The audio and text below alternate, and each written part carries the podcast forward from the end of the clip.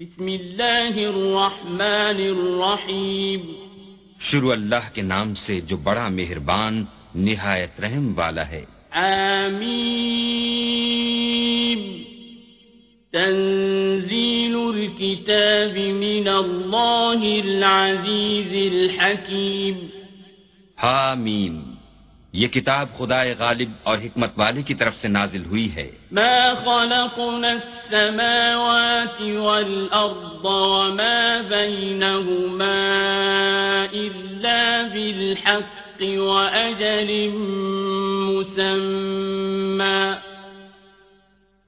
والذين كفروا عما أنذروا معرضون ہم نے آسمانوں اور زمین کو اور جو کچھ ان دونوں میں ہے، مبنی بر حکمت اور ایک وقت مقرر تک کے لیے پیدا کیا ہے۔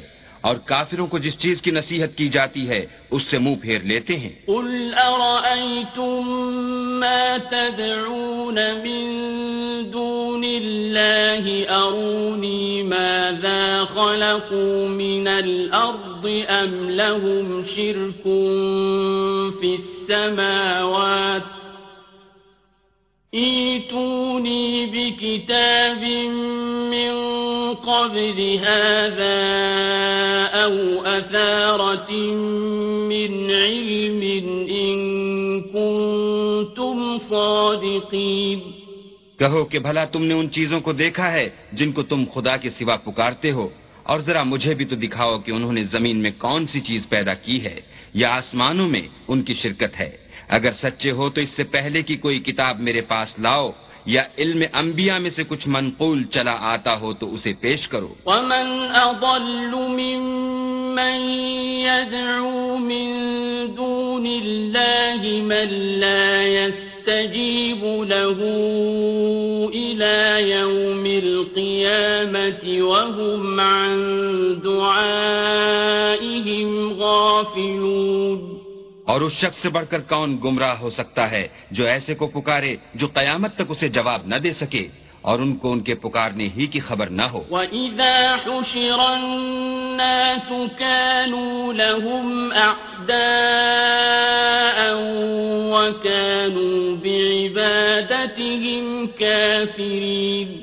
اور جب لوگ جمع کیے جائیں گے تو وہ ان کے دشمن ہوں گے اور ان کی پرستش سے انکار کریں گے وَإِذَا تُتْلَى عَلَيْهِمْ آيَاتُنَا بَيِّنَاتٍ قَالَ الَّذِينَ كَفَرُوا لِلْحَقِّ لَمَّا جَاءَهُمْ هَذَا سِحْرٌ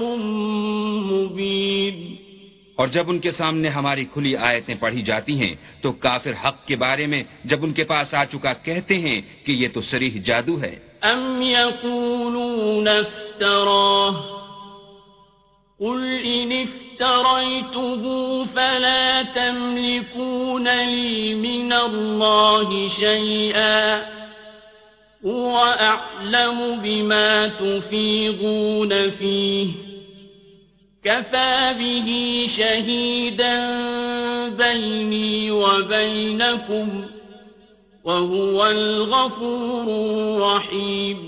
کیا یہ کہتے ہیں کہ اس نے اس کو از خود بنا لیا ہے؟ کہہ دو کہ اگر میں نے اس کو اپنی طرف سے بنایا ہو تو تم اللہ کے سامنے میرے بچاؤ کے لیے کچھ اختیار نہیں رکھتے۔ وہ اس گفتگو کو خوب جانتا ہے جو تم اس کے بارے میں کرتے ہو۔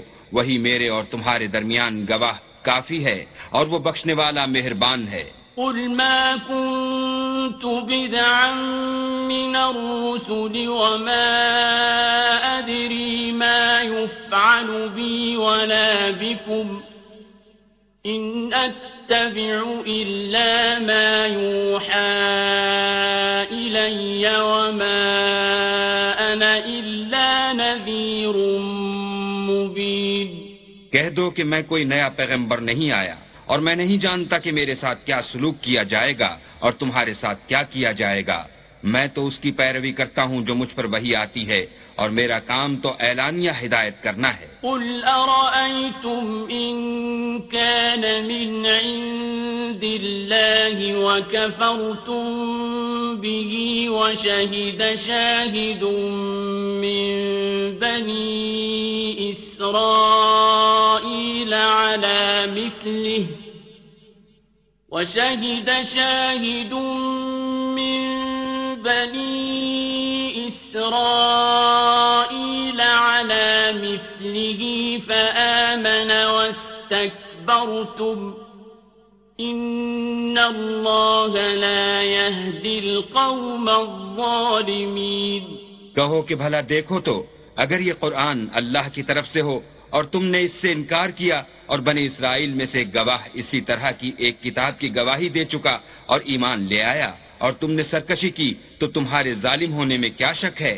بے شک اللہ ظالم لوگوں کو ہدایت نہیں دیتا۔ وقال الذين كفروا للذين آمنوا لو كان خيرا ما سبقونا إليه وإذ لم يهتدوا به فسيقولون هذا إفك قديم۔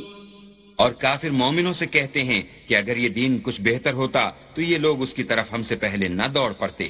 اور جب وہ اس سے ہدایت یاب نہ ہوئے تو اب کہیں گے کہ یہ پرانا جھوٹ ہے۔ ومن قبله كتاب موسى إماما ورحمة.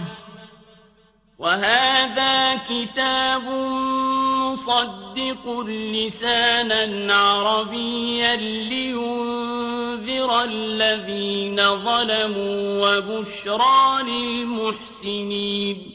اور اس سے پہلے موسیٰ کی کتاب تھی۔ لوگوں کے لیے رہنما اور رحمت۔ اور یہ کتاب عربی زبان میں ہے۔ اسی کی تصدیق کرنے والی تاکہ ظالموں کو ڈرائے اور نیکوکاروں کو خوشخبری سنائے۔ إن الذين قالوا ربنا الله ثم استقاموا فلا خوف عليهم ولا هم يحزنون جن لوگوں نے کہا کہ ہمارا پروردگار اللہ ہے پھر وہ اس پر قائم رہے تو ان کو نہ کچھ خوف ہوگا اور نہ وہ غمناک ہوں گے۔ أولئك أصحاب الجنة خالدين فيها جزاء بما كانوا يعملون یہی اہل جنت ہیں کہ ہمیشہ اس میں رہیں گے یہ اس کا بدلہ ہے جو وہ کیا کرتے تھے ووصينا الإنسان بوالديه إحسانا عَمَلَتْهُ أمه كرها ووضعته كرها وحمله وفصاله ثلاثون شهرا حتى إذا بلغ أشده وبلغ أربعين سنة قال رب أوزعني أن أشكر نعمتك التي أنعمت علي وعلى والدي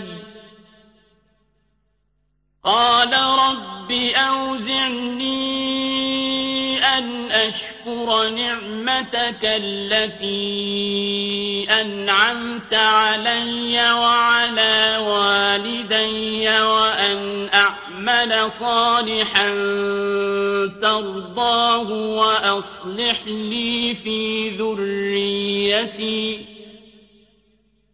إني تبت إليك وإني من المسلمين. اور ہم نے انسان کو اپنے والدین کے ساتھ بھلائی کرنے کا حکم دیا۔ اس کی ماں نے اس کو تکلیف سے پیٹ میں رکھا اور تکلیف ہی سے جنا۔ اور اس کا پیٹ میں رہنا اور دودھ چھوڑنا ڈھائی برس میں ہوتا ہے۔ یہاں تک کہ جب خوب جوان ہوتا اور چالیس برس کو پہنچ جاتا ہے تو کہتا ہے کہ اے میرے پروردگار، مجھے توفیق دے کہ تو نے جو احسان مجھ پر اور میرے ماں باپ پر کیے ہیں، ان کا شکر گزار ہوں۔ اور یہ کہ نیک عمل کروں، جن کو تو پسند کرے۔ اور میرے لیے میری اولاد میں اصلاح و تقوا دے۔ میں تیری طرف رجوع کرتا ہوں اور میں فرما برداروں میں ہوں۔ أولئك الذين نتقبل عنهم أحسن ما عملوا ونتجاوز عن سيئاتهم في أصحاب الجنة وعد الصدق الذي كانوا يوعدون یہی لوگ ہیں جن کے اعمال نیک ہم قبول کریں گے اور ان کے گناہوں سے درگزر فرمائیں گے اور یہی اہل جنت میں ہوں گے۔ یہ سچا وعدہ ہے جو ان سے کیا جاتا ہے۔ والذي قال لوالديه أف لكما أتعدانني أن أخرج وقد خلت القرون من قبلي. وقد خلت القرون من قبلي وهما يستغيثان الله ويلك آمن إن وعد الله حق. إن وعد الله حق. فيقول ما هذا إلا أساطير الأولين اور جس شخص نے اپنے ماں باپ سے کہا کہ اف اف تم مجھے یہ بتاتے ہو کہ میں زمین سے نکالا جاؤں گا، حالانکہ بہت سے لوگ مجھ سے پہلے گزر چکے ہیں اور وہ دونوں اللہ کی جناب میں فریاد کرتے ہوئے کہتے تھے کہ کم ایمان لا، اللہ کا وعدہ سچا ہے تو کہنے لگا یہ تو پہلے لوگوں کی کہانیاں ہیں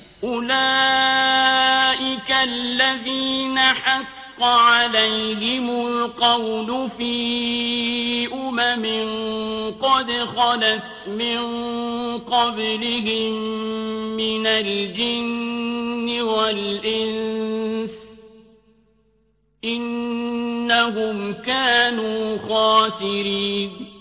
یہی وہ لوگ ہیں جن کے بارے میں جنوں اور انسانوں کی دوسری امتوں میں سے جو ان سے پہلے گزر چکی عذاب کا وعدہ تحقیق ہو گیا۔ بے شک وہ نقصان اٹھانے والے تھے۔ وَلِكُلٍ دَرَجَاتٌ مِّمَّا عَمِلُوا وَلِيُوَفِّيَهُمْ أَعْمَالَهُمْ وَهُمْ لَا يُظْلَمُونَ۔ اور لوگوں نے جیسے کام کیے ہوں گے ان کے مطابق سب کے درجے ہوں گے۔ غرض یہ ہے کہ ان کو ان کے اعمال کا پورا بدلہ دے اور ان کا نقصان نہ کیا جائے۔ وَيَوْمَ يُعْرَضُ الَّذِينَ كَفَرُوا عَلَى النَّارِ أَذْهَبْتُمْ طَيِّبَاتِكُمْ فِي حَيَاتِكُمُ الدُّنْيَا واستمتعتم بها فاليوم تجزون عذاب الهون فاليوم تجزون عذاب الهون بما كنتم تستكبرون في الأرض بغير الحق وبما كنتم تفسقون اور جس دن کافر دوزک کے سامنے کیے جائیں گے تو کہا جائے گا کہ تم اپنی دنیا کی زندگی میں لذتیں حاصل کر چکے اور ان سے متمتے ہو چکے، سو آج تم کو ذلت کا عذاب ہے۔ یہ اس کی سزا ہے کہ تم زمین میں ناحق غرور کیا کرتے تھے اور اس کی کہ بد کرداری کرتے تھے۔ واذكر أخا عاد إذ أنذر قومه بالأحقاف وقد خلت النذر من بين يديه ومن خلفه ألا تعلم تعبدوا إلا الله ألا تعبدوا إلا الله إني أخاف عليكم عذاب يوم عظيم اور قوم عاد کے بھائی ہود کو یاد کرو کہ جب انہوں نے اپنی قوم کو سرزمین احقاف میں ہدایت کی اور اس سے پہلے اور پیچھے بھی ہدایت کرنے والے گزر چکے تھے کہ اللہ کے سوا کسی کی عبادت نہ کرو مجھے تمہارے بارے میں بڑے دن کے عذاب کا ڈر لگتا ہے۔ قالوا أجئتنا لتأفكنا عن آلهتنا فأتنا بما تعدنا إن كنت من الصادقين۔ کہنے لگے کیا تم ہمارے پاس اس لیے آئے ہو؟ کہ ہم کو ہمارے معبودوں سے پھیر دو۔ اگر سچے ہو تو جس چیز سے ہمیں ڈراتے ہو اسے ہم پر لے آؤ۔ قال إنما العلم عند الله وأبلغكم ما أرسلت به ولكني أراكم قوما تجهلون۔ انہوں نے کہا کہ اس کا علم تو اللہ ہی کو ہے۔ اور میں تو جو احکام دے کر بھیجا گیا ہوں، وہ تمہیں پہنچا رہا ہوں، لیکن میں دیکھتا ہوں کہ تم لوگ نادانی میں پھنس رہے ہو۔ فلما رأوه عارضا مستقبل أوديتهم قالوا هذا عارض ممطرنا، بل هو ما استعجلتم به ريح فيها عذاب أليم. پھر جب انہوں نے اس عذاب کو دیکھا کہ بادل کی صورت میں ان کے میدانوں کی طرف آ رہا ہے تو کہنے لگے یہ تو بادل ہے جو ہم پر برس کر رہے گا۔ نہیں بلکہ یہ وہ چیز ہے جس کے لیے تم جلدی کرتے تھے یعنی آندھی جس میں درد دینے والا عذاب بھرا ہوا ہے۔ تدمر كل شيء بأمر ربها فأصبحوا لا يرى إلا مساكنهم كذلك نجزي القوم المجرمين ہر چیز کو اپنے پروردگار کے حکم سے تباہ کیے دیتی ہے تو وہ ایسے ہو گئے کہ ان کے گھروں کے سوا کچھ نظر ہی نہیں آتا تھا۔ گناہ گار لوگوں کو ہم اسی طرح سزا دیا کرتے ہیں۔ وَلَقَدْ مَكَّنَّاهُمْ فِي مَاءٍ مَكَّنَّاكُمْ فِيهِ وَجَعَلْنَا لَهُمْ سَمْعًا وجعلنا لهم سمعا وأبصارا وأفئدة فما أغنى عنهم سمعهم ولا أبصارهم فما أغنى عنهم سمعهم ولا أبصارهم ولا أفئدتهم من شيء إذ كانوا يجحدون بآيات الله يجحدون بآيات الله وحاق بهم ما كانوا به يستهزئون اور ہم نے ان کو ایسے مقدور دیے تھے جو تم لوگوں کو نہیں دیے اور انہیں کان اور آنکھیں اور دل دیے تھے۔ تو جبکہ وہ اللہ کی آیتوں سے انکار کرتے تھے، تو نہ تو ان کے کان ہی ان کے کچھ کام آ سکے اور نہ آنکھیں اور نہ دل۔ اور جس چیز سے استحضا کیا کرتے تھے، اس نے ان کو آ گھیرا۔ وَلَقَدْ أَهْلَكْنَا مَا حَوْلَكُمْ مِنَ الْقُرَى وَصَرَّفْنَا الْآيَاتِ لَعَلَّهُمْ يَرْجِعُونَ اور تمہارے ارد گرد کی بستیوں کو ہم نے ہلاک کر دیا اور بار بار اپنی نشانیاں ظاہر کر دیں تاکہ وہ رجوع کریں۔ فلولا نصرهم الذين اتخذوا من دون الله قربانا آلهة، بل ضلوا عنهم وذلك إفكهم وما كانوا يفترون۔ تو جن کو ان لوگوں نے تقرب خدا کے لیے خدا کے سوا معبود بنایا تھا، انہوں نے ان کی کیوں مدد نہ کی؟ بلکہ وہ ان کے سامنے سے گم ہو گئے اور یہ ان کا جھوٹ تھا اور یہی وہ افطرا کیا کرتے تھے۔ وَإِذْ صَرَفْنَا إِلَيْكَ نَفَرًا مِنَ الْجِنِّ يَسْتَمِعُونَ الْقُرْآنَ فَلَمَّا حَضَرُوهُ قَالُوا أَنصِتُوا فلما قضي ولوا إلى قومهم منذرين. اور جب ہم نے جنوں میں سے کئی شخص تمہاری طرف متوجہ کیے کہ قرآن سنے تو جب وہ اس کے پاس آئے تو آپس میں کہنے لگے کہ خاموش رہو۔ جب پڑھنا تمام ہوا تو اپنی برادری کے لوگوں میں واپس گئے کہ ان کو نصیحت کریں۔ قالوا يا قومنا إنا سمعنا كتابا أنزل من بعد موسى مصدقا لما بين يديه يهدي إلى الحق يهدي إلى الحق وإلى طريق مستقيم کہنے لگے کہ اے قوم ہم نے ایک کتاب سنی ہے جو موسا کے بعد نازل ہوئی ہے۔ جو کتابیں اس سے پہلے نازل ہوئی ہیں، ان کی تصدیق کرتی ہے اور سچا دین اور سیدھا رستہ بتاتی ہے۔ يا قومنا أجيبوا داعي الله وآمنوا به يغفر لكم من ذنوبكم ويجركم من عذاب أليم اے قوم، اللہ کی طرف بلانے والے کی بات کو قبول کرو اور اس پر ایمان لاؤ۔ اللہ تمہارے گناہ بخش دے گا اور تمہیں دکھ دینے والے عذاب سے پناہ میں رکھے گا۔ ومن لا يجب داعي الله فليس بمعجز في الأرض وليس له من دونه اولیاء